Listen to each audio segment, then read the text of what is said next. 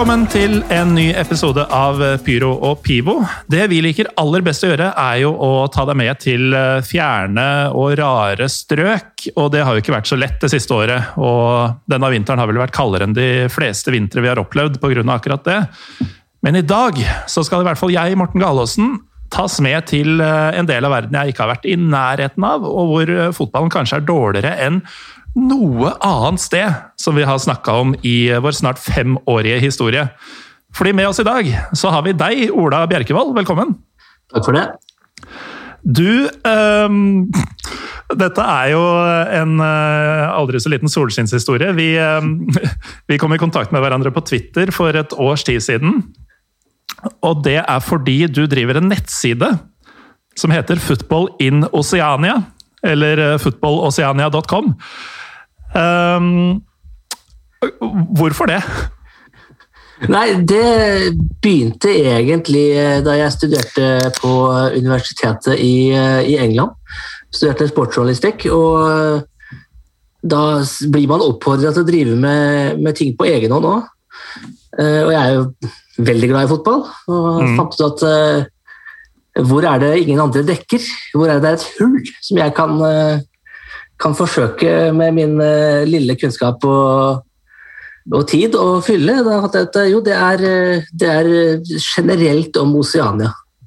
Ja, det er det.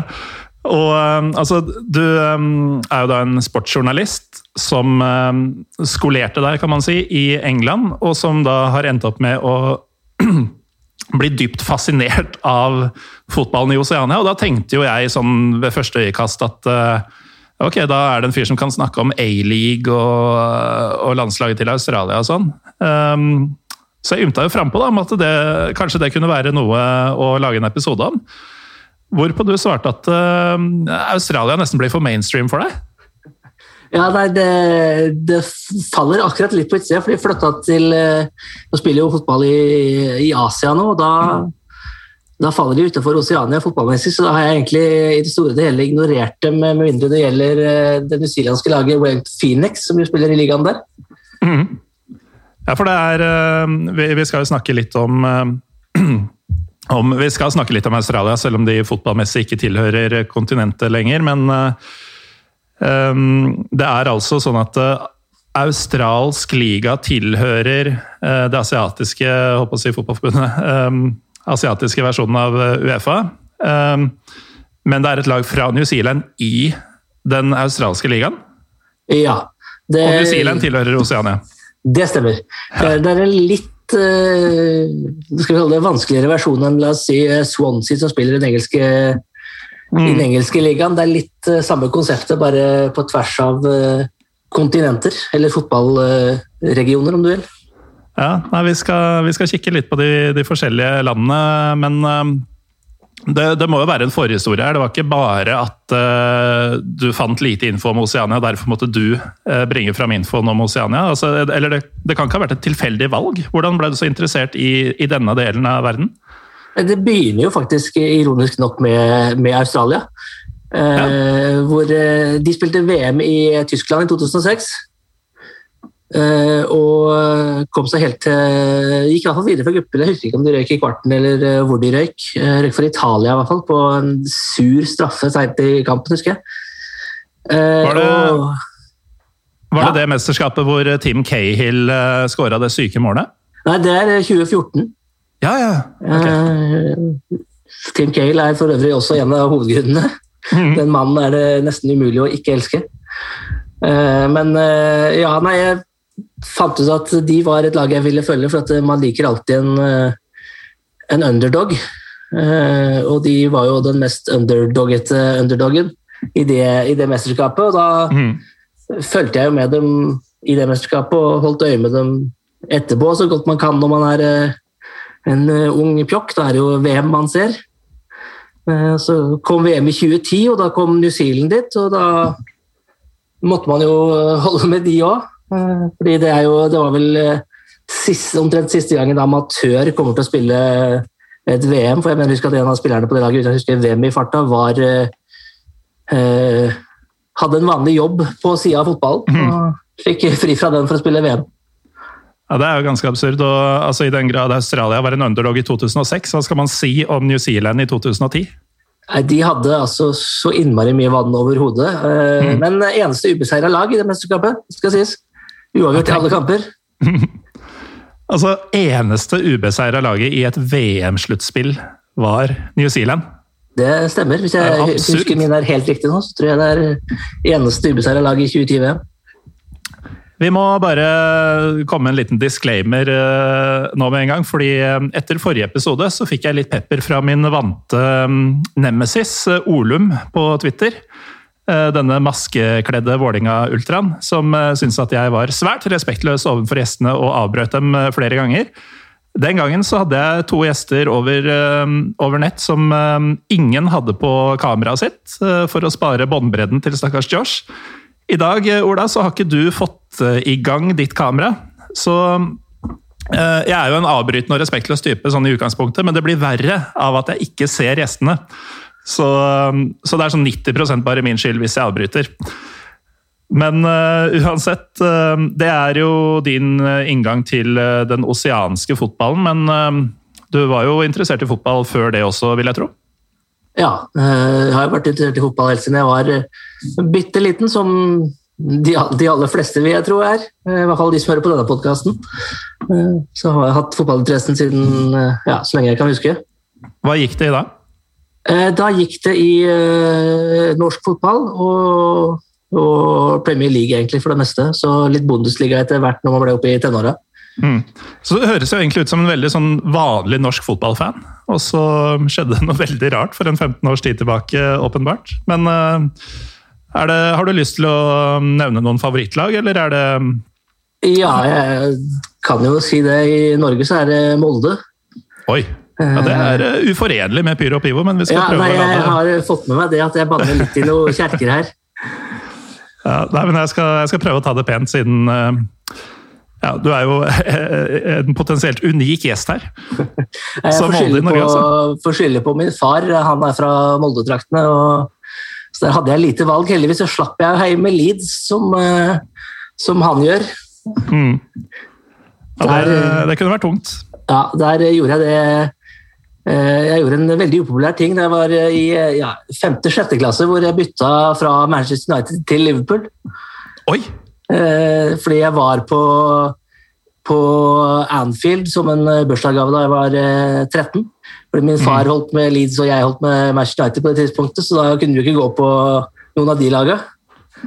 Nei. Så ble det Liverpool som ingen av oss i utgangspunktet skal like, men så er man jo på kamp, man blir lett påvirka, og Greve Walker Loven er ganske kraftfull når man er der.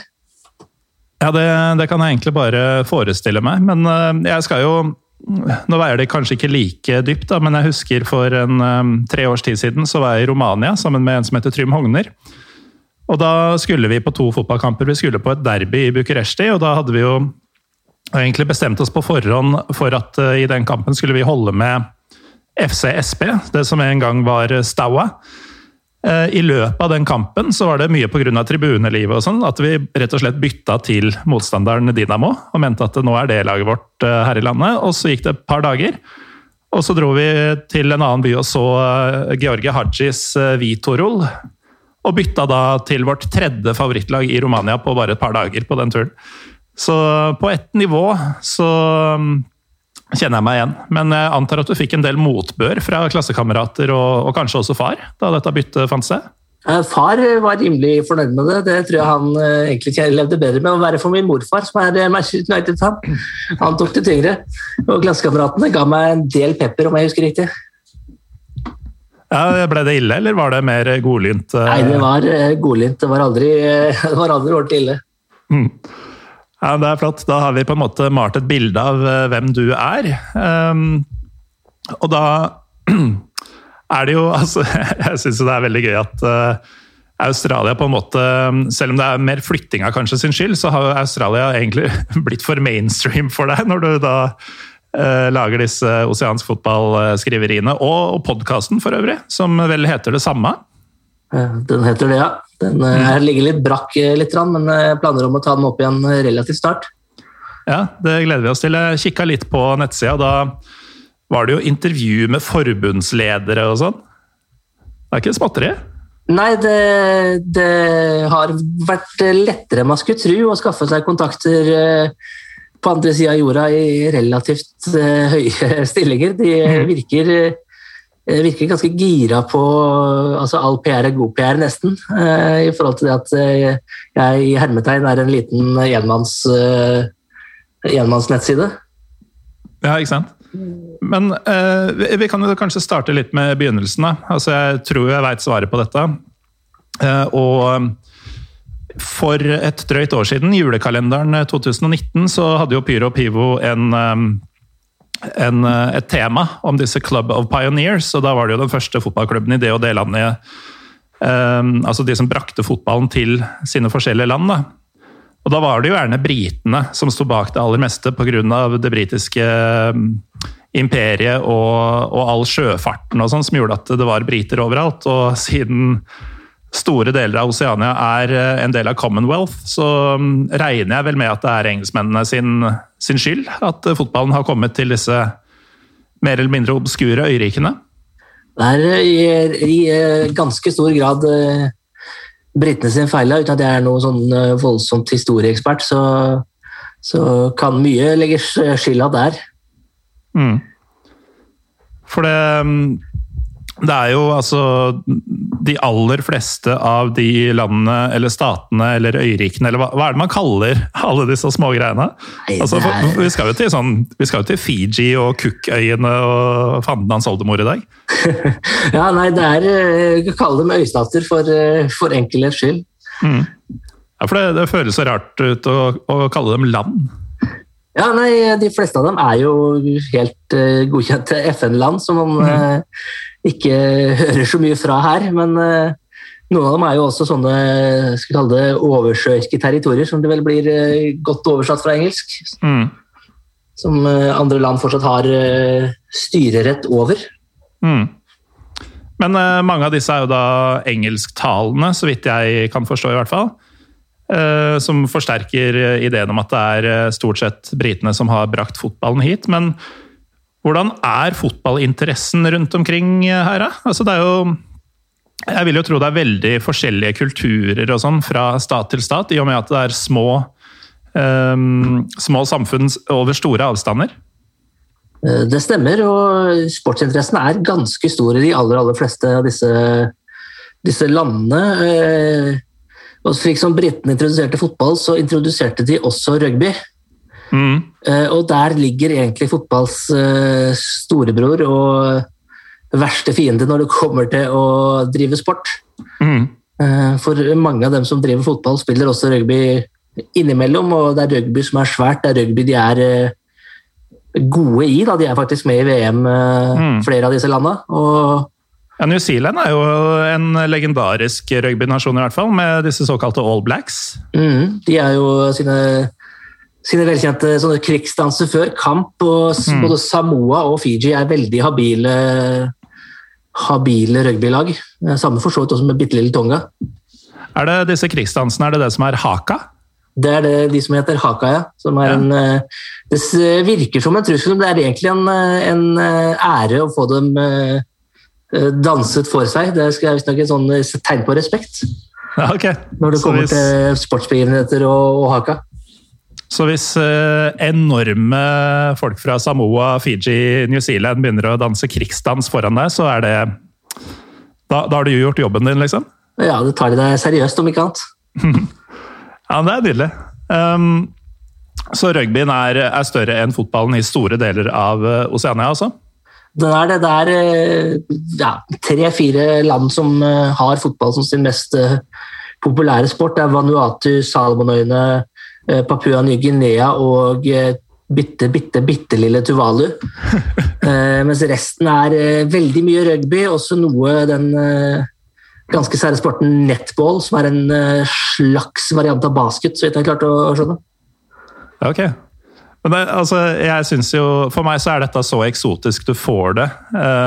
Og når du ramser opp sånne eh, fullstendig altså, Superobskure småstater, og så kommer du med 'og bitte lille Tuvalu'. Det, det, setter Tuvalu i et veldig perspektiv, føler jeg. Jeg ser for meg at det bor sånn 14 mennesker der ennå. Det er kjapt huska, tror jeg det bor jeg Bor det en 10 000-12 000, da, kanskje? Mm. Hvis jeg, husker, om jeg ikke husker helt feil. Mulig jeg, mulig jeg bommer med noen eh, tusen her, men eh, det bor ikke mange. Så er det omtrent på størrelse med Molde, altså? Ja, og Tuvalu har vel en eh, såpass dårlig standard at eh, fotballbanen den, eh, den er brukende hvis rugbylaget ikke har trent deg kvelden før, eller hvis det ikke har regna. Har gjort begge deler, så er den helt ubrukelig. Men altså, jeg sitter med, sitter med et kart foran meg nå.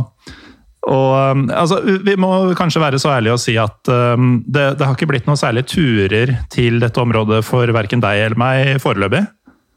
Eh, Det har ikke det, nei. Det har vært eh, dessverre ikke mulig eh, for undertegnede å komme seg ned dit ennå. Nei. For det, det er jo man, man skal være mer enn middels interessert i, i atlaset for å, for å kunne plassere flere av disse statene, men at Australia er et svært land, det, det vet jo alle. Og så er det jo veldig mye små øyer og, og øyriker. Men sånn som Papua Ny-Guinea, som du nevnte, det, det er jo også svært sånn relativt i utstrekning. Det er ikke det minste landet. Det er forholdsvis eh, greit med areal. Det bor en, er det 11 millioner innbyggere der. Mm. Så det er jo bra med folk, om ikke annet. Ja, ikke sant? Men uh, altså, jeg veit absolutt ingenting uh, om det. Og uh, verre skal det bli når man kommer til sånn type Salomonøyene, Vanuatu, Tuvalu som du nevner, Tonga, Fiji. Men jeg gleder meg til å høre mer om det. Men først så tenker jeg at vi må vi må være litt sånn myke i starten her. Og kanskje holde oss til Australia og New Zealand eh, sånn i hvert fall i noen minutter, sånn at folk ikke blir helt uh, alienated med en gang. Um, kan vi ikke begynne med Vi var jo litt innom det innledningsvis, med, med A-league og, og australsk fotball. Um, jeg ble jo ganske interessert i dette newzealandske laget som spiller i ligaen. Eh, Wellington Phoenix de, eh, de, de spiller i, eh, i ligaen, men kan dessverre ikke kvalifisere seg til asiatisk Champions League. Kan heller ikke kvalifisere seg til oseansk Champions League, så de er litt sånn De spiller bare for å vinne, bare for å vinne ligaen. Men, hva får de ut av det, da? Hvis Nei, det er jo noe matching på et bedre nivå, om ikke annet, som er veldig viktig for, for New Zealand. Og det er også for et viktig lag for andre oseanske land, for det ses på som en enklere vei inn i A-league enn å prøve å få kontrakt hos et av de andre australske lagene. Du har begrensa antall eh, utlendingsplasser du skal fylle opp. og eh, Dessverre så har ikke A-league vært så greie at de har sagt at oseanske spillere de teller som australske. Det, har vært snakk om før, men det har ikke blitt noe av ennå. Men eh, altså, burde ikke det egentlig vært ganske greit? Er jo, sjansen er vel liten for at spillere skal strømme inn fra sånn Cook Islands og Vanuatu og ta plassene til unge fremadstormende australiere? Ja, det, det er mye i Oceania som man skulle tro dette burde vært greit. Eh, Det er eh, den setningen man sier mest, at dette burde ikke vært noe problem. Men eh, du blir overrasket hvor ofte det er et problem. Men eh, ja, jeg er helt enig med deg. For det antall talenter i eh, denne regionen som ikke er fra New Zealand, er, eh, som kan nå langt, er eh, forholdsvis liten. Så ja, det, være. ja, ja, det er en liten uh, sannsynlighet for at det, stor import av uh, disse spillerne ville gått utover nivået på australsk fotball uh, i noe særlig grad, men, men dem om det.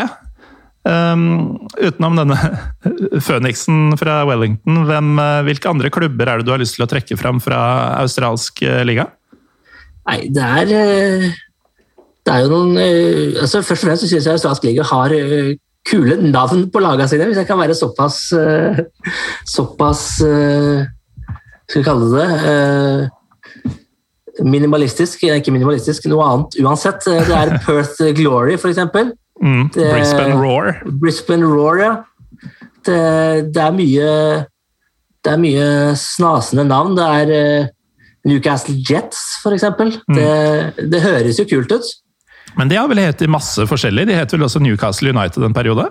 De, de gjør det. De driver og Det er litt så mye MLS eller uh, amerikansk uh, fotball, for de som måtte kjenne at du kan bytte litt eh, navn og litt eh, by og litt eh, logo eh, omtrent, eh, omtrent som du vil.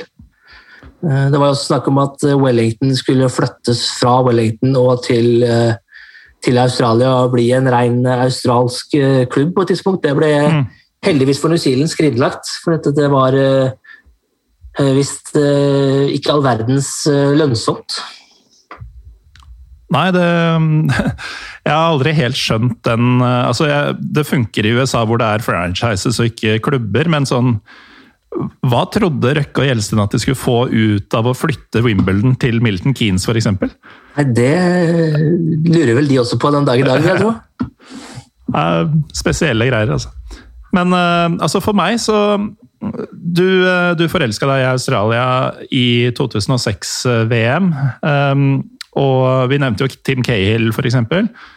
Um, før de klarte å kvalifisere seg til, uh, til, noe VM, så hadde de jo enda bedre spillere, vil jeg si. Uh, og da, apropos Leeds, som du nevnte i stad, da Harry Kewell og Mark Viduka drev og herja for dem rundt uh, årtusenskiftet, da trodde jeg virkelig at Australia var hva skal vi si, landet å se på i framtiden.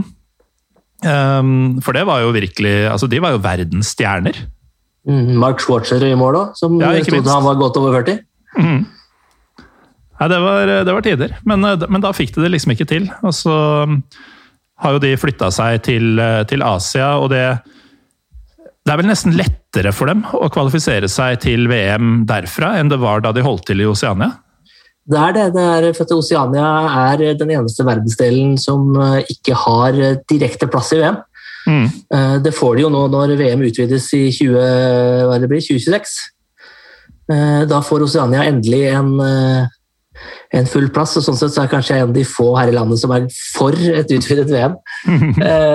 For du kan ikke kalle det et verdensmesterskap når du ikke har med hele verden. Såpass syns jeg vi må vi må ta med. Mm. Men Australia flytta jo til Asia for å få bedre matching og mer kamper, for det er rett og slett eh, det er flere turneringer i Asia. Eh, mm. Det er eh, disse skal vi kalle det, regionale landslagsturneringene, sånn Sørøst-Asia, Øst-Asia, Vest-Asia etc. spiller mot hverandre. og Så er det da det asiatiske mesterskapet, og så har du da en VM-kvalifisering som er, som er lenger, rett og slett. Så du får mm. mer kamper, og det er flere, også flere plasser å, å ta av når det kommer til direktekvalifisering til VM.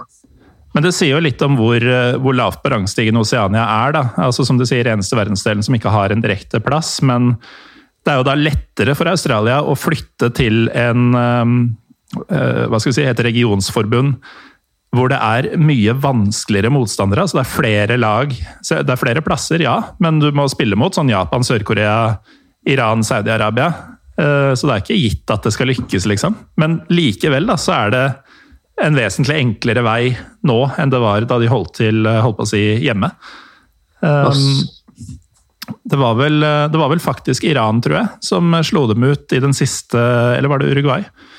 Um, jeg husker i hvert fall de var nære på en gang. Da skulle de spille en sånn siste avgjørende finale mot enten et lag fra Asia eller uh, Sør-Amerika. Og det, det, gikk jo ikke. Dette var tilbake i kanskje før 2002-VM eller noe sånt.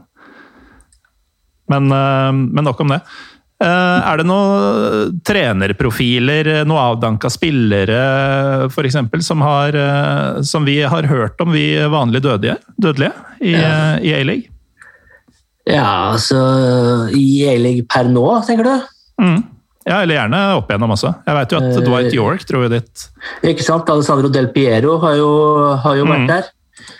Så det har vært Emil Hesky var vel også der et par år. Det har vært det har vært uh, spillere man har hørt om, for å si det sånn. Det er en litt sånn uh, Det har i hvert fall vært en sånn uh, Skal vi kalle det gamlehjem for, ja.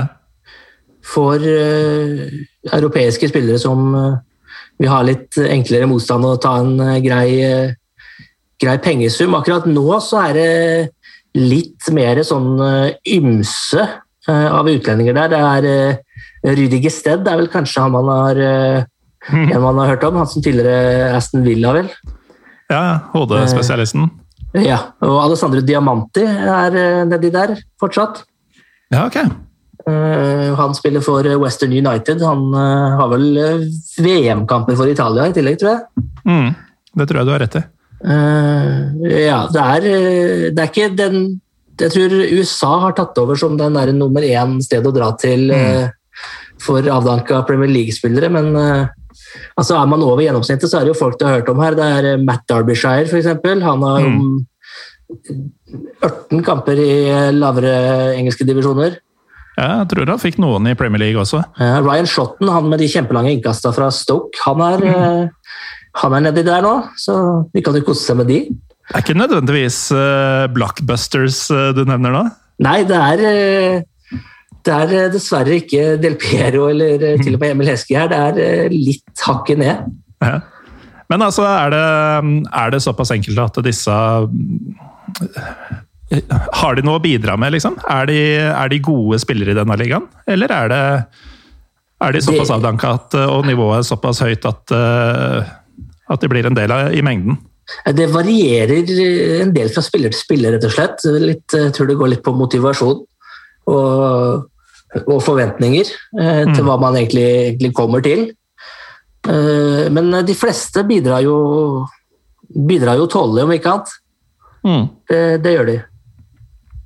Og um, så er jeg jo litt spent på hvordan er um, fotballkulturen i, i Australia. Altså er det mye folk på tribunen? Er det noe, er det noe sang og støy og sånn, eller er det mer sånn amerikansk uh, franchise-aktig variant?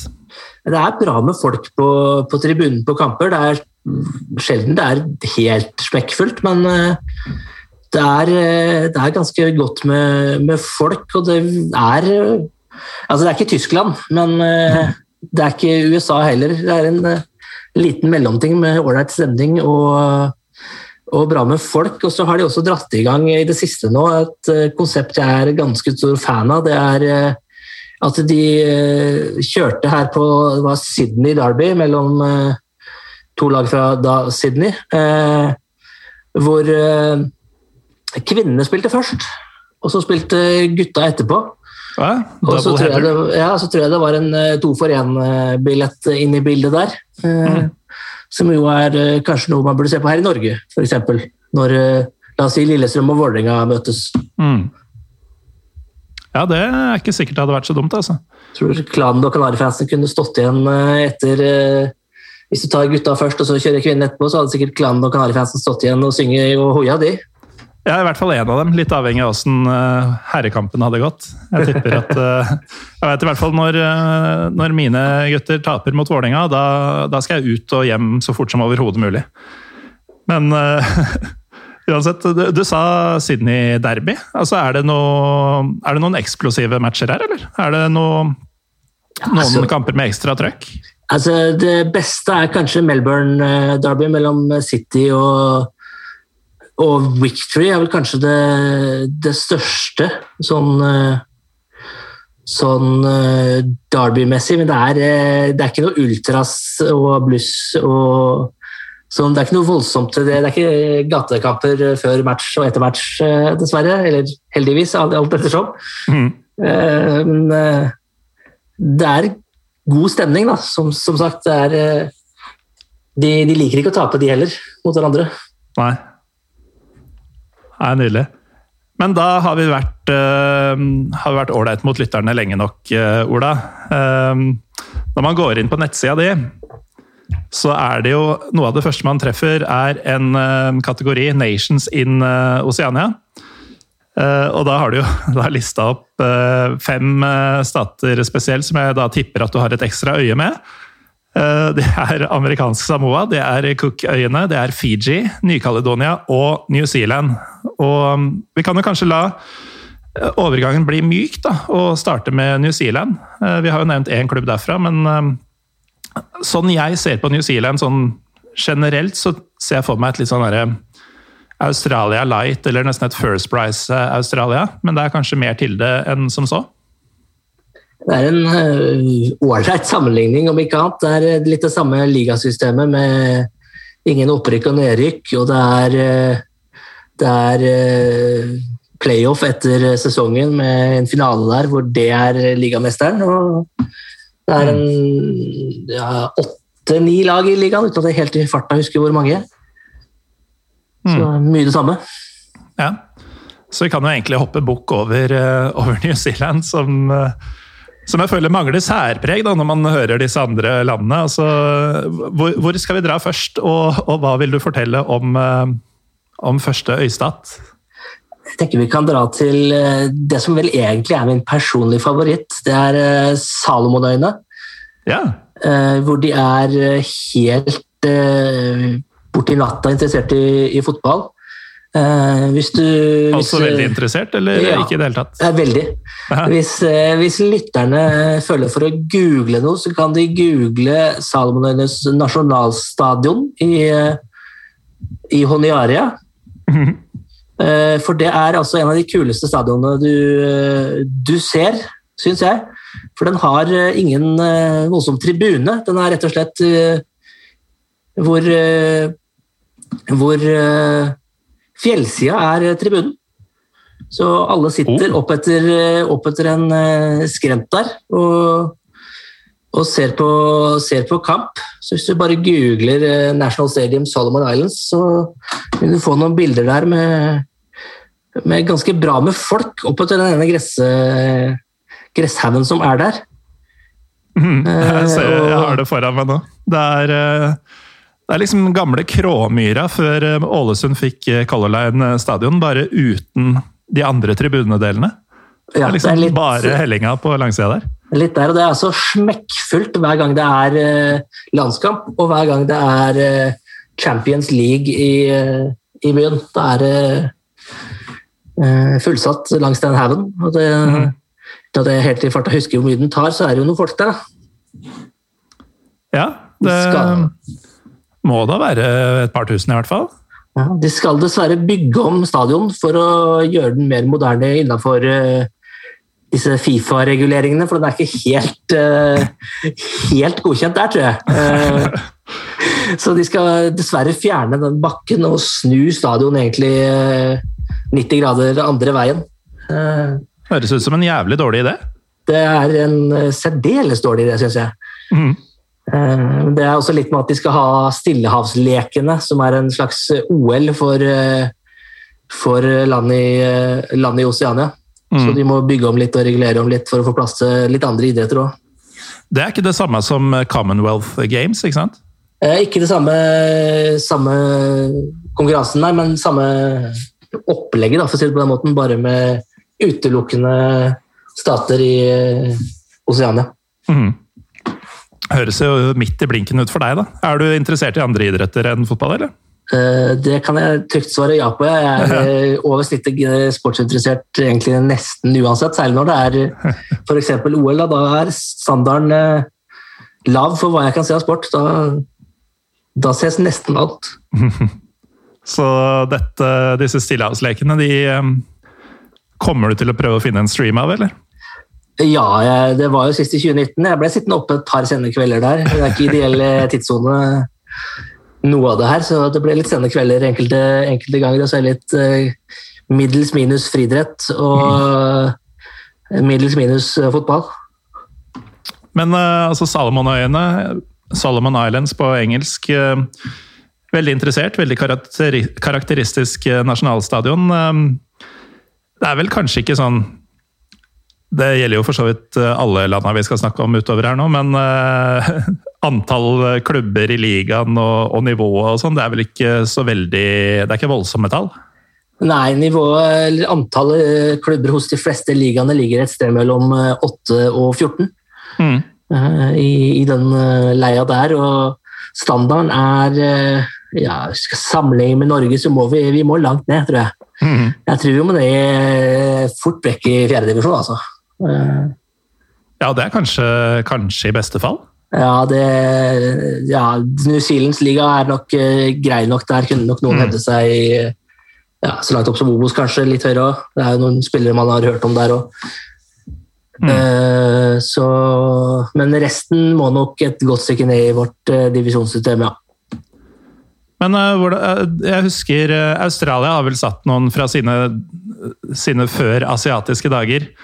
Uh, satte vel noen sånn verdensrekorder for uh, største seiersmargin i landskamper. Uh, det var vel en 31-0, eller var det 33-0? 31-0 mot amerikanske Samoa, ja, det stemmer. Ja. Men det er en kjempestor skal vi kalle det en sånn stjerne bak det resultatet som egentlig burde vært der, som ikke nevnes noe særlig når det resultatet snakkes om. Mm. Det er fordi at det laget de møter her, er egentlig ikke A-laget til amerikanske Samoa. Oh, det er kun én av de, eller to av de, som eh, egentlig er på det amerikanske laget, så det amerikanske samoanske laget som spilte den kampen pga. visaproblemer. Mm. Eh, så da tenkte forbundet at da må vi hente inn alle disse U21-spillerne våre. Problemet var at de hadde eksamen når den kampen skulle gå, hele den gjengen, så de kunne ikke være med. Så det er en gjeng 16-17-åringer som drar dit og blir eh, smadra av eh, Australia. Og det finnes en dokumentar som heter 'Next Goal Wins'. eh, altså 'Neste mål vinner'. Som eh, handler om amerikansk Samoa og deres jakt på deres første VM-kvalifiseringsseier. Eh, hvor da keeperen fra det 31-0-tapet han spiller fortsatt i 2011. Mm. Uh, og sier at uh, jeg spiller den Australia-kampen på PlayStation nesten hver kveld. Hvor jeg bare mm. lar den andre kontrollen, den som styrer Australia, den lar jeg ligge ved siden av. Så skårer jeg så mange mål som jeg bare vil. uh, så det førte til litt traume, akkurat det tapet der. Mm. Jo, jeg hadde jo forfatter James Montagu på besøk i fjor en gang, og han har jo skrevet en bok som heter 31 Nil. Som eh, ikke bare handler om den kampen, men den er jo åpenbart en viktig del av, eh, av boka, ettersom eh, resultatet er det samme som, som tittelen. Hvis noen vil ha noe å lese på i disse tider, så har han utgitt både én og to og tre og fire meget gode fotballbøker.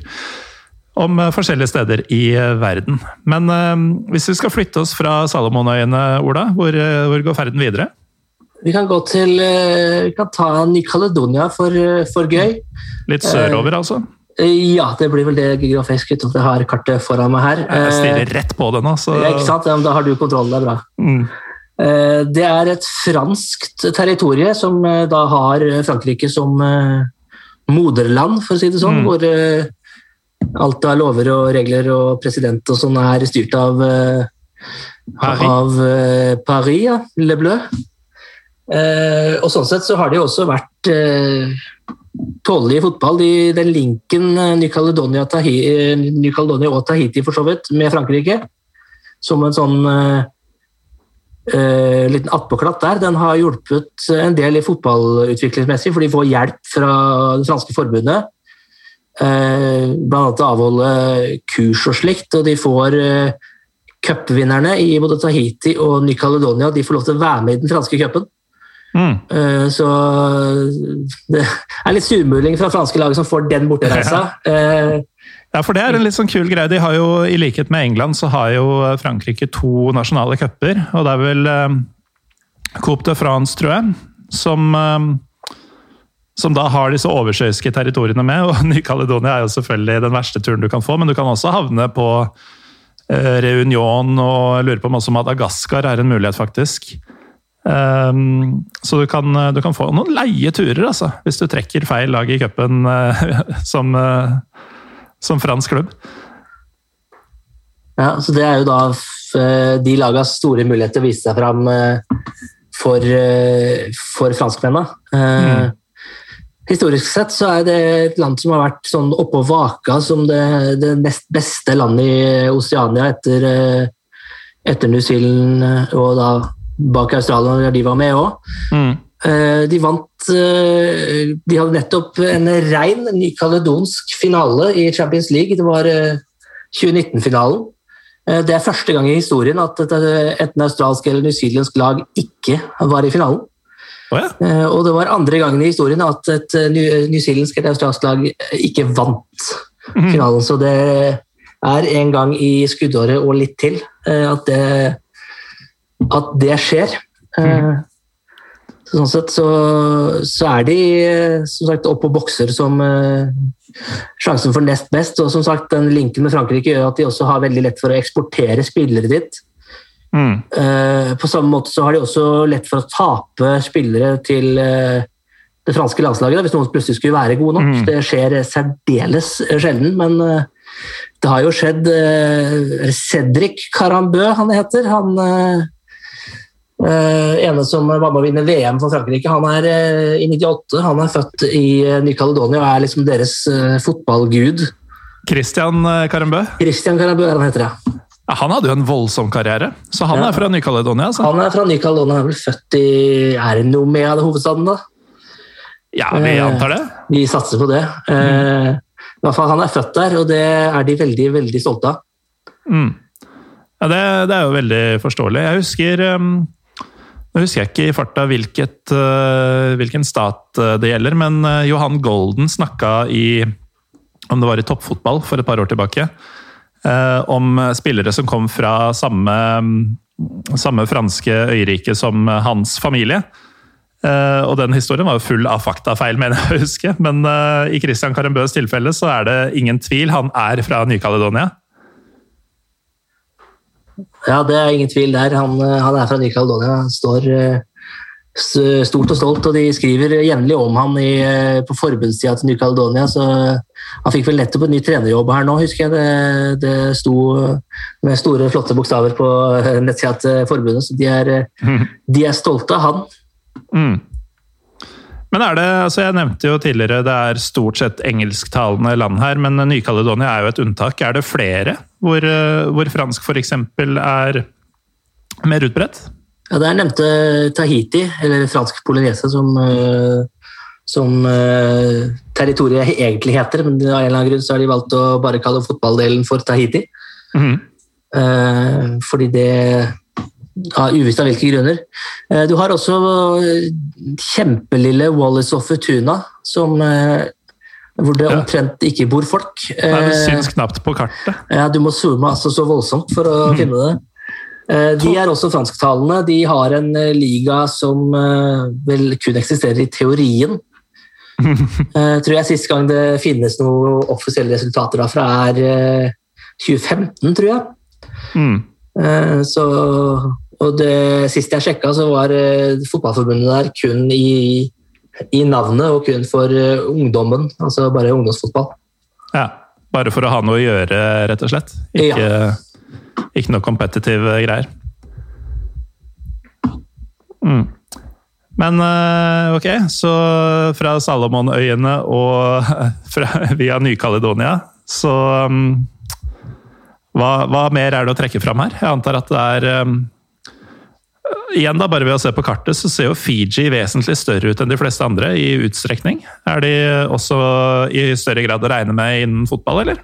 Eh, ja, de er, eh, de er, absolutt å regne med. De er uh, en av disse landene som er med og kjemper om det å være nest best. Mm.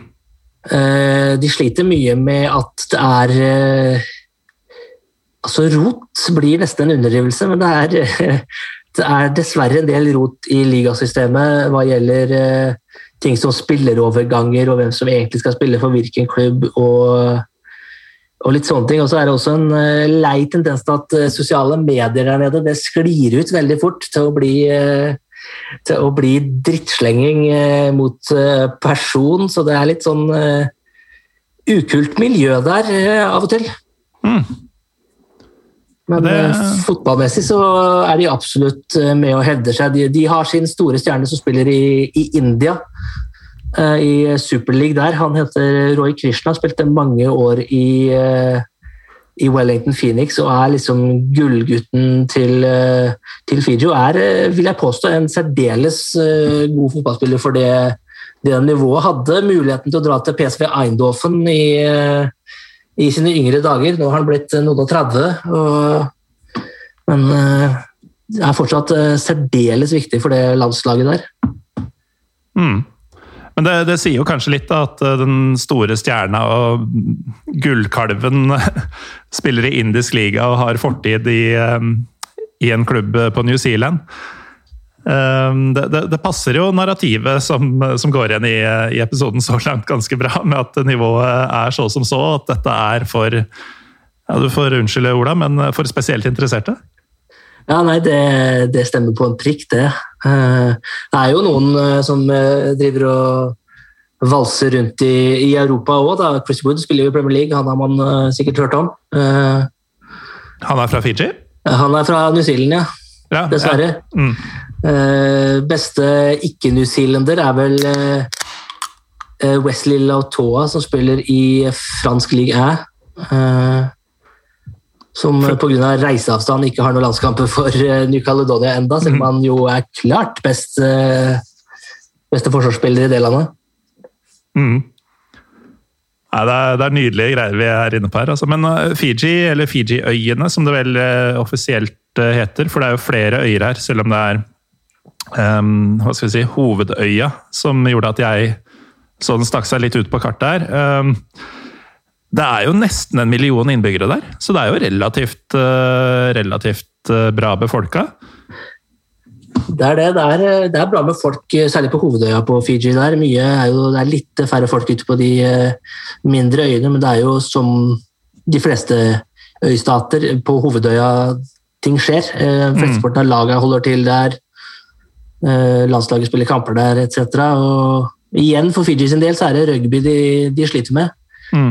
Eh, De er eh, veldig veldig, veldig gode i rugby. Tok sitt første OL-gull i, i, i, var vel i Rio, da. Når det var, når det var sjuerrugby for første gang. Mm. Så det er jo deres store stolthet. Så det er jo altså De, de har tatt gull i store internasjonale turneringer. Ja, det er eh, deres aller første OL-medalje noensinne, hvis jeg husker riktig. Mm. Det er ganske rått, altså. For det er jo altså eh, Hvis man går inn på Wikipedia på Fiji, så står det da at eh, dette er en øystat i Stillehavet. Øst for Vanuatu, vest for Tonga og sør for Tuvalu. Altså, det er jo um, Det er jo ikke et sted som du verken kan finne på et kart, eller som du kan se for deg har, eh, har OL-medaljer. Langt mindre gull. Når du hører om eh, hvordan man prøver å plassere dette etter beste evne. Ja, nei, det, det skulle nesten ikke gå an, men eh, det, det gjør noe en gang, det. Og når du sier sør, sør og vest for, så er jo det også innafor Altså, du drar begrepet øst for og vest for. Det er noen mil med vann imellom. Ja, det er det, altså. Det er ikke akkurat du, Det tar ikke en time med båt, så det er vel snarere et par dager. Ja, det vil jeg definitivt eh, tro. Hvordan er det med Nå har jo igjen da, verken du eller jeg vært i disse traktene, men um, det er eh, sånn tålelig med flytrafikk, vil jeg tro? Det går ålreit med fly eh, mellom de største, største landene. Der er eh, Air Fiji og Air eh, New Zealand vel de største operatørene der. Så det er Mm. mulig å komme seg til og fra sånn Hvis du skal herfra, da, så er det Gardermoen og så innom eh, ett eller to stopp i USA eller i Doha, litt avhengig av hvilken vei du skal. Som Mm. er enkleste måte å komme seg ut hit. Så må du innom New Zealand som regel, og så videre derfra. Hvor, eh, hvor sannsynlig er det at du kommer deg på en tur eh, hitover når, eh, når verden er åpen og normal igjen? Er det noe du har eh, holdt på å si høyt på, på gjøremålslista? Ja, jeg har jo det. Jeg hadde jo egentlig satsa på eh, Oceania Nations Cup, som er deres EM. Mm. Eh, den hadde jeg satsa på å ta i fjor sommer, men den ble kansellert pga. dette driten vi har her i, i verden. Eh, som så mye annet, dessverre. Så f- satser vel mest på neste neste Nations Cup for å få kommet meg ned dit. Er jeg griseheldig, så kanskje jeg får akkreditering til eh, strandfotball-VM i Russland og eh, innendørsfotball-VM i Litauen, som er seinere i år, hvor eh, Mm. Oceania har to, to land med, som eh, det kunne vært interessant å få dekt eh, live på den måten. Hvem er det som er med her, da? Eh, Det er Tahiti som er med i, i strandfotball. De er faktisk der er det eneste sjansen Oseania har til å vinne en medalje. Det er, det er der, for de er veldig veldig gode i strandfotball. De ble nummer to i VM i 2017, tatt for Brasil i finalen.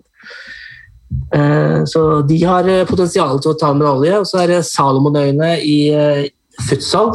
Mm. og De er vel mer med for å make up the numbers, som det heter på god norsk. Ja. Altså, Tahiti mot eh, Brasil, det er ingenting som sier strandfotball mer enn det oppgjøret, tror jeg. Nei, det, det, er ikke det. Og strandfotball er jo som brasse absolutt hele tiden. Så hvis du vil se gode brasser, så er det det du skal se. og Gjengen til Tahiti er jo Brasilianerne er jo proffe folk, mens Tahiti er en som eh, henger i master og reparerer eh, telefonledninger. Og eh, fire-fem fiskere og en tele, sånn, noe, telefonselger. Og litt sånt som spiller fotball på kveldstid. Ja, det er jo nydelig. da. Tenk om de faktisk tar, tar en medalje, for ikke å si gull. Ja, og så har du sånne stories. Da får du trafikk på nettsida, tror jeg. Det er lov å håpe, det. Men uh, hvis vi um, altså Dette føles rart å si. Hvis vi drar enda lenger ut i havgapet her, så, um, så kommer vi jo til stadig mer det ser ut som avstandene stadig blir større jo lenger øst man kommer. Eller er man kanskje lengst vest i verden nå? Det er kanskje, kommer an på øyet som ser. Men vi har eh, amerikansk Samoa og Cookøyene. Uh, og det ser ut som det er kortere fra Vanuatu til Fiji og fra Fiji til Tonga enn det er fra, ja, fra Tonga til Cook uh, spesielt. Da. Det ser jo helt isolert ut her. Men uh, skal vi dra innom amerikansk Samoa først? først og fremst, er det, det er dette vi andre bare kaller Samoa, eller? nei, det er landet som ligger ved siden av. det er, de ligger altså Uh, hvis du ser på et kart, så er det ja, visst, ja. 50 meter imellom omtrent. På, ja. kan svømme, sikkert. Der måtte jeg zoome litt ekstra. Uh, og hvis jeg riktig, så går datolinja mellom de to landene, noe som er kjempefrustrerende. Uh, hvorfor skal den gå akkurat der? så De er 24 timers forskjell mellom hverandre, selv om det er flyet letter ikke omtrent når du skal fly over fra det ene til det andre. Mens amerikansk Samoa er en, eh, et territorium som eies eh, av USA, da, som navnet skulle tilsi. Mm. Eh, og har da styresett til USA og, og slikt. Mm. Og er også da sånn sett ganske heftig påvirka av, av, USA når det kommer til kultur og til idrett. Så amerikansk fotball er jo ganske stort der. Ok, Så det, de er ikke en rugbynasjon på samme måte som de andre?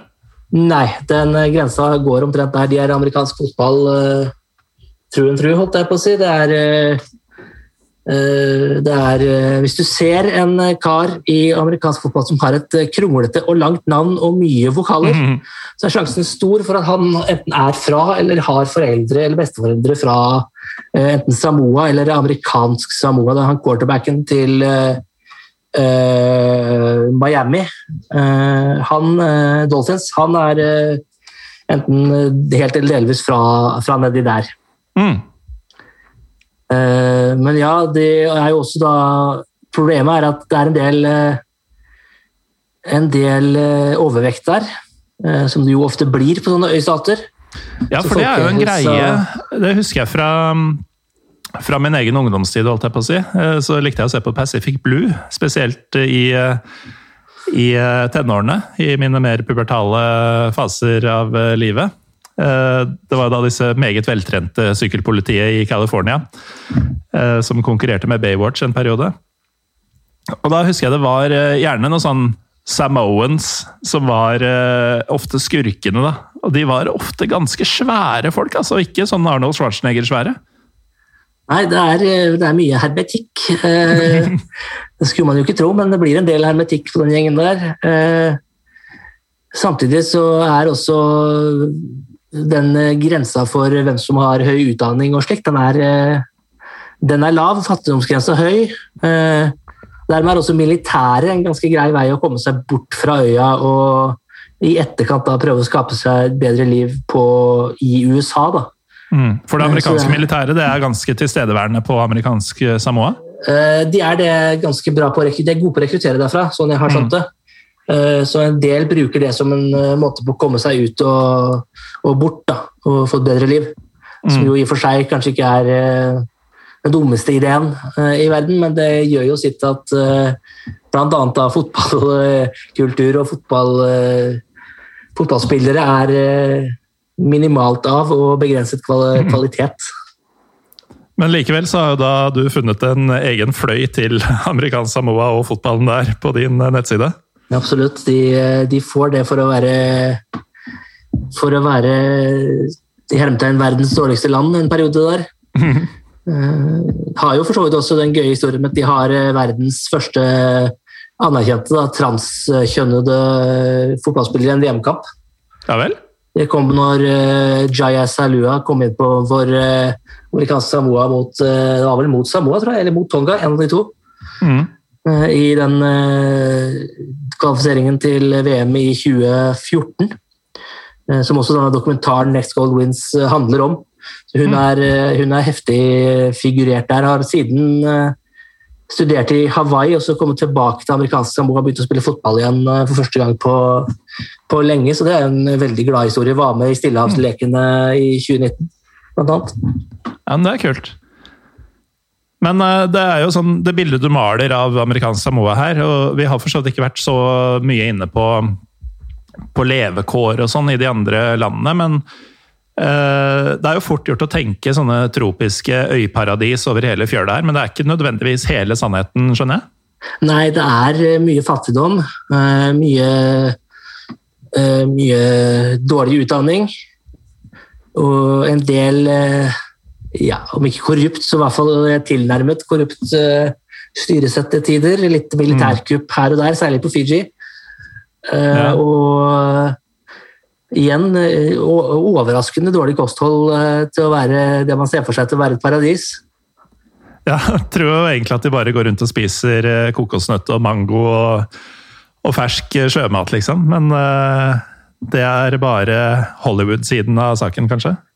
Ja, om ikke bare, så i hvert fall store deler av. Det, det er jo uh, det er ikke alt som er på film, som ser ut på, på film. De har mm. sliter jo også en god del med sykloner og orkaner og det som måtte være av mm av den slags gøye ting, så de slipper jo ikke unna der heller. Det er jevnlig sykloner som tar med seg hele landsbyer og litt større byer òg.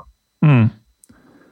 Ja, så er det jo litt sånn um, Du nevnte jo uh, korrupsjon. Uh, vi hadde jo en episode på sommeren i fjor om uh, Malta. Og det er jo også en, en øystat, ganske liten og gjør litt som de vil, og sånn, og den er jo superkorrupt. Og det er jo da i et område hvor altså du har jo EU og diverse sånn Eh, hva skal vi si, det, det, vi i Vesten ville kalt litt sånn oppegående naboer og sånn. da. Eh, som liksom holder et øye med, med, deg og skal ha et forhold til deg. og sånn, Mens jeg ser jo litt for meg at uh, ja, amerikansk Samoa, f.eks. Tonga, Fiji Det er vel kanskje fort fram for korrupsjon og sånn når man i stor grad er overlatt til seg selv? Eller er jeg helt på trynet nå? Nei da, du er inne på noe, om ikke annet. Uh, Det var en periode der hvor uh, denne Fifa-skandalen, som jo kom for noen år tilbake mm. Der var uh, han som vel var fotballpresident i Tahiti, ganske heftig involvert på et tidspunkt. Ja, stemmer. Uh, det samme er han som var president i Oceanias fotballforbund, altså deres versjon av Uefa. Mm. Han var visepresident i, i Fifa i, under Blatter og for så vidt litt under Infantino.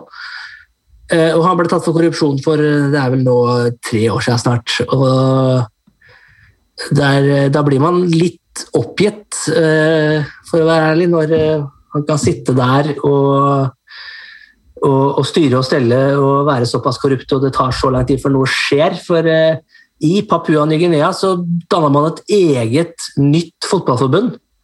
Som mm. skulle være liksom det, det det store nye som ble dannet av han som var eh, motkandidat til et presidentvalg for det fotballpresidentvervet til han David Chung, eh, fordi de var da såpass misfornøyd med det som var åpenbar eh, korrupsjon. Mm. Og det, det, sklei helt ut, og fotballen var to steile fronter der hvor ingen snakka med den andre parten. Og så fikk Chung sparken, eller ble tatt for korrupsjon, da. Eh, og så klarte de å finne sammen igjen, og nå er han eh, lederen for det andre fotballforbundet, nå den eh, fotballpresidenten i det offisielle fotballforbundet. Hvis du hang med på den. Ja, sånn noenlunde.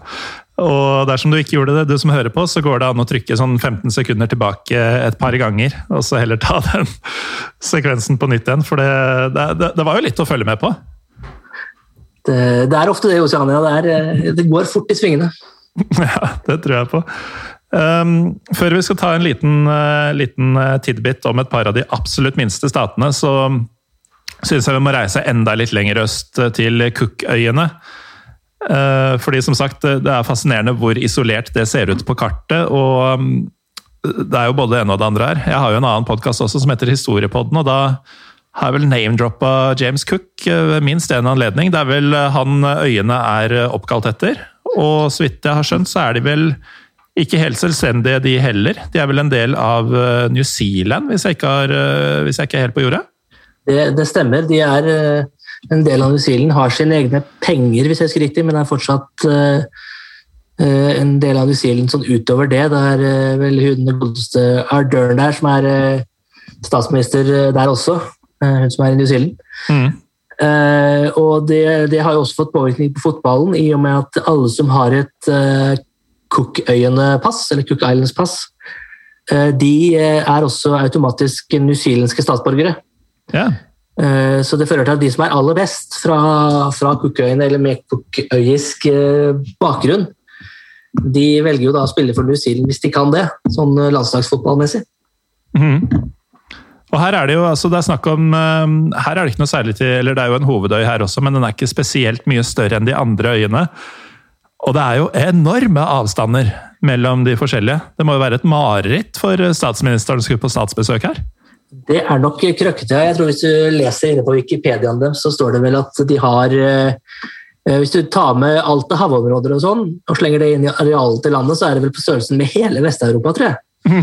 Eh, så det er det er en beta, og jeg tror ikke hun tar mange statsbesøk i løpet av året ut på disse, disse litt mest forblåste øynene. Jeg tror ikke det bor folk på alle heller, for så vidt. Det er kanskje like greit.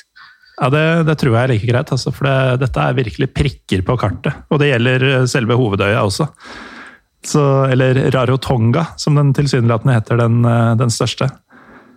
Uh, det er en fascinerende del av verden, dette her. Altså. At de liksom har de vanlige samfunnsstrukturene og driver med fotball og driver med hverdagsliv også, på samme måte som oss. Det er, eh, eller uh, at de har hverdagsliv, i hvert fall. Selv om det kanskje ikke ligner så veldig på vårt uh, alltid. Det er, i, spesielt i disse tider, veldig gøy å snurre på et kart og, og se litt på de stedene som som folk holder på med sine ting. Som som man aldri tenker over ellers. Men uh, Ola, du har, du har, en liten hva skal vi si, en kjepphest, eller hva vi skal kalle det. Det er nemlig et par av disse øyene, og de vi har snakka om nå, de er jo veldig små, flere av dem. Men det er noen enda mindre, og de, de får ikke være med i Fifa, de. Nei, de, de gjør ikke det. Og øh, nå kan det hende jeg blir litt øh, sint og eh, oppjaga her, men det får dere bære med meg, forhåpentligvis. Fordi det er Jeg kan ta de to, de to mest åpenbare, da, som er Tuvalu og Kiribati. Mm. Var det bitte lille Tuvalu du nevnte i stad? Bitte lille Tuvalu. Som mm. jo som sagt er et, et FN-land. Det samme er Kiribati. De er med i FN. Mm. De er med i OL. Men de er altså ikke med i, i Fifa. Så det er altså anerkjent av FN og IOC, men ja. ikke av Fifa? Det stemmer, og det er fordi Fifa er eh, noe av det mer trangsynte og bakstreverske og motvillige som, eh, som, finnes hva kommer til å ta opp nye medlemmer. Det hjelper jo ikke at OFC også i de siste ti åra har eh, driti ganske langt i dem, for å være helt, eh, helt, ærlig. De begynte først å gi dem støtte igjen for første gang på, på 10-15 år nå i fjor. Det er snakk om 30 000 eh, newzealandske dollar, som ikke er all verden av penger hvis du skal drifte et fotballforbund. Mm. OFC er altså um, det oseanske Uefa, om du vil? Det stemmer. Mm. Så det er rett og slett uh, Ja, hva er greia? De er, de er for små til at uh, man gidder å innlemme dem, eller? Eller er det, noen politiske årsaker? Det skulle man jo tro. At det har noe med størrelsen å gjøre, f.eks. Mm. Uh, men så tenker man jo at Gibraltar er jo med. Liechtenstein er med. San Marino er med. Ja. Og de er jo ordentlige miniputter. På Kiribati så bor det vel nesten 100 000 folk. Ja. som jo er en grei størrelse. Eh, problemet, eller det, det UFC og Fifa har sagt da, til eh, de høye herrer i fotballforbundene i Tuvalu og Kiribati, er at seriestrukturen, seriestrukturen deres er ikke bra nok. Og fotballstadionene deres er ikke bra nok. Hotellene deres er ikke bra nok. I tilfelle dere skal arrangere et mesterskap. Ja, men det er jo bare eh. altså For å skulle arrangere et mesterskap må man jo søke på å arrangere et mesterskap, og det vil jo ikke falle inn uh, verken Tuvalu eller Kiribati. Nettopp. så det, det han Fotballpresidenten i Tuvalu sa til meg da jeg spurte han om det her en gang, det var at uh, Fifa sier at vi må ha 3000 kapasitet på stadion, altså plass til 3000 tilskuere. Uh, hvorfor de skal ha det, er jo ufattelig. Uh, for at de skal kunne eventuelt da arrangere, arrangere en turnering uh, hvis det skulle bli mulig. Men det er det at i kvalifiseringene til VM og til denne EM-en der nede, mm. så spilles de kvalifiseringsrundene alltid på ett sted. Så det er alltid ett land som har den kvalifiseringsrunden, så spilles det over en uke, halvannen. Uh, og da er det jo, som du nevner, bare for dem å si at nei, det, vi trenger ikke ha det, vi. Det går, det går fint. Ja, for det er noe, uh, dette er jo noe landa vil ha, de som ønsker seg det. Det er ikke sånn at det blir prakka på det? Uh, nei, det stemmer. Det er jo da dette må du ønske å ha. og Som han sa til meg, da, han presidenten, det er at om nødvendig så kan vi spille våre hjemmekamper på Fiji, det går fint. Og du tenker at Gibraltar, som jeg nevnte, de er jo med. De har spilt alle mm. sine kamper i Portugal. uh, hva landslaget angår. Mm. Så det at stadionkravet er der, er jo åpenbart bare tull. Ja. Det trenger man ikke være rakettforsker for å finne ut av. Det er altså så borti natta. Greit nok at Kiribati de har ikke gress på sine fotballbaner. Det kan jeg skjønne at er et problem. Men igjen, da. Det er bare å ikke arrangere et mesterskap, så løser jo det seg. Når du sier at de ikke har gress, jeg antar at dette betyr at de har kunstgress, men jeg føler meg liksom ikke sikker. Eh, det har de ikke. Eh, det er verdt å søke opp den nasjonalstadion også for dere der hjemme. Den er sann, sand og sand og mer sand. og noen veldig kule gule mål av, av alle fargene de valgte på stolpene sine. Og havna nesten på Fifa sin side her, selv om sand selvfølgelig er å foretrekke foran kunstgress. Men uh, sand, sandbane og gule mål, ja. ja. Det, det, spilles bra med fotball der. Det er en liga hvor det er eh, delt inn i fire sånne underdivisjoner, og så skal de, eh, de beste gå videre til én sluttspill og etc. for å finne Kiribatis beste lag. Uh, men som jeg nevnte i stad, så har de jo nettopp fått lov til å få penger igjen fra OFC. Mm. Eh, de har også nettopp blitt med som en sånn eh, støttemedlem, for å kalle det det. Hvor du kan få lov til å, å være med på kongressen og, og, si din mening, men ikke ha en stemmerett. Mm. Eh, og de kan også i teorien få lov til å være med i turneringer nå, som er en, det er en kjempestor nyhet for disse lagene. Så det er et slags lys her? Det er absolutt kommet et lys i enden av tunnelen. Mm. Eh, det har det absolutt. De får nå eh, de får nå eh, litt mer støtte. Det kan hjelpe langsiktig, men de må fortsatt opp med en kvalifisering for et klubblag til Champions League i Oceania. Den spilles på samme måte som denne EM-kvalifiseringen. At det er ett land som har arrangementer for kvalifiseringa. Mm. Så er det da de, de fire svakeste rangerte landa som har sine sine kvaliklag inn der. Det er Cookøyene, Samoa, Tonga og amerikansk Samoa. Eh, og Der kunne jo de da vært med, men de må opp med 150 eh, 000 eh, amerikanske dollar. Ja, og det er penger for disse? Det er penger. Jeg skal bare dobbeltsjekke at jeg ikke la på en null her. Mm. At det ikke er 15 000 dollar? Ja, Det er fortsatt veldig mye penger for dem, for å si det mm. sånn. Uh, skal vi se. Jeg snakka med en fotballpresident uh, i en klubb i amerikansk Samoa. Han sa at de kosta for dem Skal vi se uh, 15 000 amerikanske dollar. Jeg la på null, men eh, det igjen, da. Når du er en amatørklubb i et land hvor økonomien er mm. særdeles begrensa, Ja. Du må ha enten pengestøtte fra myndighetene eller fra, fra, eh, fra noen sponsorer eller noen, eh, noen andre. Mm. Så er 15 000 amerikanske dollar veldig, veldig mye penger. OFC, jeg spurte dem om det, de sa at de betaler flybilletten til og fra, og det er det. Ah. Så for at så da lag som De får litt prispenger, men det er visstnok ikke i nærheten av å dekke, dekke alt. Så lag ser på det å delta som en sånn eh, toegget sverd. At eh, ja, vi mm. får, eh, får, publisitet og vi får muligheten til å spille mot de beste i regionen, men det er altså så dyrt. ja. ja, men det er jo altså På en måte er det litt deilig å sitte i 2021 og snakke om om moderne internasjonal fotball.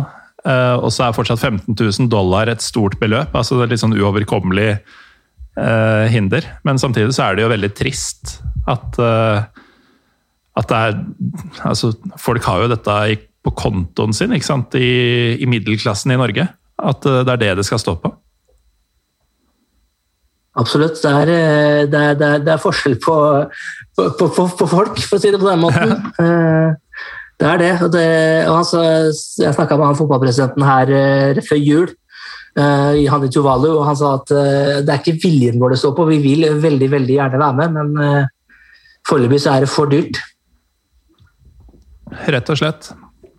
Men Ola, vi har faktisk klart å fylle en drøy time nå med oseansk, deilig oseansk fotballprat. Men alt godt må ha en ende, så jeg lurer på, er det er det noe du brenner inne med, eh, noe vi ikke har rekke å komme over, som du føler at eh, det norske folk, eller i hvert fall de få tusen som hører på Pyro Pivo, må vite om Oseania? Oceania? Enten om det er fotball eller andre deler av kultur, samfunn, mat, drikke, hva som helst? Ja, jeg kan jo reklamere litt for at fotballen går, går gratis på, på internettet. Ja vel, ja. Champions League, eh, blant annet, kan man se på denne plattformen MyCujo. Eh, jeg vet ikke om jeg sa det riktig, men mycujo.tv mycujoo.tv. Der kan man se oseansk fotball om man så skulle ha lite å fordrive en eh, lørdagskveld f.eks. Er dette en slags eh, offisiell stream? For det hørtes ut som en ganske sånn getto-nettside. Nei, det er en helt offisiell nettside. Den eh, er en streamingpartner på lik linje som ja, mye annet. En slags YouTube for fotball. Mm. De har massevis av ligaer som ingen andre da plukker opp. Hvis du har lyst, så kan du se mongolsk fotball. Du kan se Premier League derfra. Du kan se, du kan se oseansk fotball, du kan se brasilianske regionale serier, du kan se, du kan se russisk amatørfotball. Det er, liksom, det er, en plattform for alle og enhver. Du kan se ligaen i Guam, som jeg sterkt anbefaler. Der er det mye gode lagnavn. FC Barcelona, f.eks. Oh, det, det, et, det eh, høres bunnsolid ut. Det er et lag midt på treet i, eh, i Guam. Så kortversjonen her er at på på samme sted da. Så du kan se den ypperste internasjonale konkurransen innenfor Oceania. Så kan du også se ligaene i Guam og Mongolia. Det stemmer. Du kan også vise, se landskamper for enkelte, enkelte, land som har avtale med den eh, nettsida. Det er helt, alt er helt gratis. Ja, det tviler jeg ikke på. Eh, du, du, må nesten eh, sende meg den linken, så jeg kan kan spre den eh, i kjølvannet av denne episoden. fordi vi har jo gærne nok lyttere du, til at det kommer til å sitte folk og se på eh, guamsk uh, ligafotball allerede til helga. Ja, det er bra, det. Jeg har vært som sagt, mye inn på den sida der og bare hatt på en kamp i bakgrunnen når ingenting annet er på. Så det er gøy å gå dit og se en helt tilfeldig kamp. Ja, Eh, det har vært eh, jeg må si det, det har vært en glede å ha deg med, Ola Bjerkevold. Eh, til tross for dine Molde-sympatier, så har dette vært en, en, time jeg holdt på å si Jeg får den jo ikke tilbake, men det er jeg også glad for. Det er en time godt investert, og det håper jeg dere som hører på også syns. Takk, Ola, for at du var med og, og delte av din uh, unike ekspertise, må det vel være lov å si? Takk for det. Det har vært uh, veldig veldig gøy. og Hvis noen skulle fatte interesse, så kommer jeg gjerne tilbake igjen. Ja, jeg tror, jeg tror, faktisk ikke vi er ferdige her, altså. Um, men i hvert fall for dere som får uh, abstinenser for, uh, for disse øyrikene og for uh, Olas språk, om enn på engelsk, så er det jo da footballoceania.com som er nettsida di. Og så finner man podkasten vel der du finner Pyro Pivo også? Den er vel både på Spotify og, og her og der? Det stemmer. Den er Spotify og iTunes og Google Play, vel, hvis jeg husker riktig i farta. Mm. Overalt Så. der uh, normale folk hører podkast, altså. Ja. Det er nydelig. Uh, takk igjen, Ola, for at du var med. Og så får vi håpe at det ordner seg for både Kiribati og Tuvalu etter hvert. Um, takk også til deg som hører på. Jeg heter som vanlig Morten Gallosen. Vi er som vanlig Pyro Pivopod på Twitter og Instagram. Og vi er som vanlig tilbake neste uke, med mindre pandemien tar oss. Ha det bra!